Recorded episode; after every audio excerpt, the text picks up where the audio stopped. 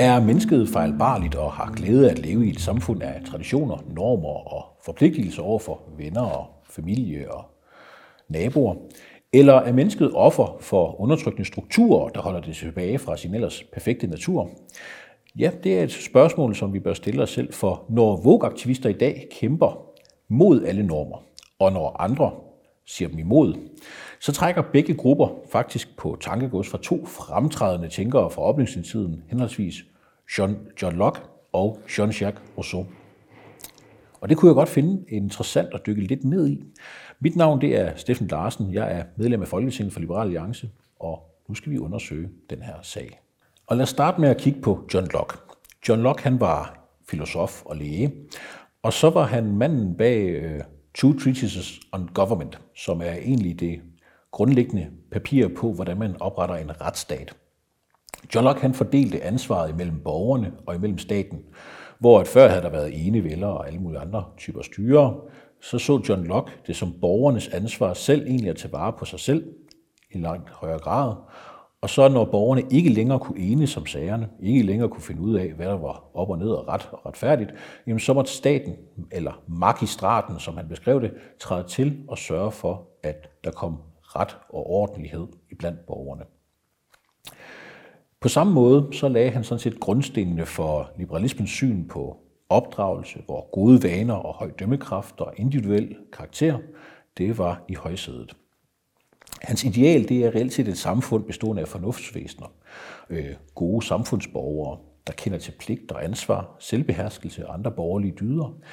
Og man kan jo sige, at det er sådan et øh, 16-1700-tals landsbysamfund, han egentlig baserer sine tanker på, hvor man hjælper hinanden og sørger for, at tingene går godt, man løfter hinanden op. Og øh, når man så ikke længere kan nå til enighed, eller der er nogen, der har begået uret imod hinanden, jamen så skal staten træde til og sørge for, at tingene bliver i balance igen. I en anden boldgade, der finder man så den franske filosof Rousseau. Han mente, at øh, mennesket fra fødslen og fra naturens side af reelt set var perfekt og godt og moralsk, og at man derfor kun i mødet med civilisationen og de omkringliggende strukturer blev et dårligt menneske. Det vil også sige, at han havde en idé om, at opdragelse skulle man egentlig holde sig fra, fordi børn ville jo være gode, hvis ikke man forsøgte at påvirke dem og opdrage dem. Og han ser grundlæggende livet som en stor andelsforening. Øh, og for at citere ham, et hver underligger sin person og hele sin kraft fællesviljen og medtager i sit, i sit hele hver medlem som en uendelig del af det hele. Altså, man skal underlægge sig en fællesvilje, et kollektiv. Det er ikke just det, jeg vil kalde for en liberal tanke, og det er også her, hvor vi netop adskiller os fra Rousseau øh, traditionelt. Så i Locks liberale tankegang, der har man også for eksempel religionsfriheden. I Letters Concerning Toleration beskriver han, hvordan at staten, faktisk magistraten, som man skriver, skal blande sig udenom, hvad mennesket som privat tænker og gør, så længe det ikke betyder, at de laver handlinger øh, mod andre. Øh, og i den forbindelse, så beskriver han jo reelt set det sekulære samfund.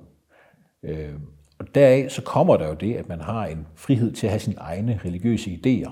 Men det er jo ikke blot de religiøse idéer, man har retten til i liberalismen ud fra det her. Det bliver til alle idéer, man har sin egen ret til at tænke.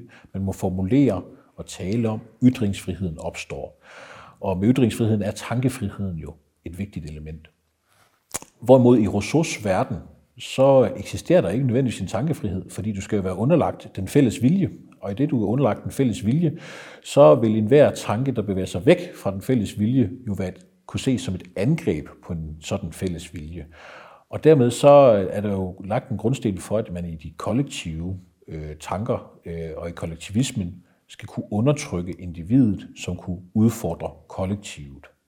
Deraf får vi jo nogle forskellige samfundsformer, og vi får nogle forskellige samfundsmønstre. Og det er også det, vi har set i den nu baserende woke-ideologi, det er jo, at man forsøger at undertrykke enhver tanke, der udfordrer de woke. Cancel culture er ikke opstået af ingenting. Den er opstået, fordi man netop vil fjerne de folk fra internettet og fra debatsider og fra avisredaktioner og lignende, som tænker tanker, der kan udfordre den woke-ideologi. Derfor så er de jo bundet op på Rousseaus tanker om en almen vilje, eller en fælles vilje. hvor de mennesker, som udfordrer dette og siger, ej, cancel culture, det duer ikke, vi er nødt til at have et liberalt samfund, vi er nødt til at have ytringsfrihed, vi er nødt til at kunne debattere tingene, jamen de baserer sig på Locks tanker, og de baserer sig altså på den liberale grundtese. Og derfor så er vi nødt til, når vi ser på de her moderne strømninger, jamen vi kan se, at det kommer ikke bare fra vores egen tid, det kommer også fra fortiden, det kommer fra tænkere som Locke og Rousseau. Der er et grundlag i det her, som gør, at vi er nødt til at overveje præcist, hvad er det for nogle strømninger, som skal have lov til at vinde her? Og hvad er det, som vi kan basere os på? Fordi for mange liberale kan det lyde tillokkende med den her frigørelse, som Rousseau tilbyder. Fordi hvis man tror, at individ og individualisme og frigørelse, det er alle sammen ting, der rimer på hinanden, og derfor rimer på en liberal tanke, så begår man jo en fejl. Ikke en fejl, man nødvendigvis er klar over, men man begår den fejl, man bevæger sig væk fra et samfund, hvor ytringsfriheden, hvor at statens rolle skal være begrænset i forhold til borgernes liv, den forsvinder. Man bevæger sig ind i et område, hvor at ens identitet, ens kollektive tilhørsforhold bliver vigtigere end ens individuelle karakter, end ens egen øh, personlighed og ens evner og kvaliteter. De skal træde i baggrunden for, hvordan du ser ud, hvem du er og hvad du gør. For fællesviljen har jo dikteret, at det vigtige det er din hudfarve, eller har dikteret, at det vigtige det er, hvilken gruppe du tilhører. Og det er her, vi får problemet som liberale med Rousseau, og det er også her, vi får som liberale problem med identitetspolitikken og dermed wokismen. Så når vi liberale med baggrund i John Locke siger, du kan godt, så er det jo ikke, fordi vi bare tager det ud af ingenting. Det er, fordi vi mener, at jamen, individet er frigjort øh, i en sådan grad fra øh, statens magt, at jamen, det enkelte menneske skal have et ansvar for selv at komme videre i sit liv. Også selvom at det kun er det små, man kan gøre noget, så skal man gøre noget, fordi du har et ansvar for dig selv.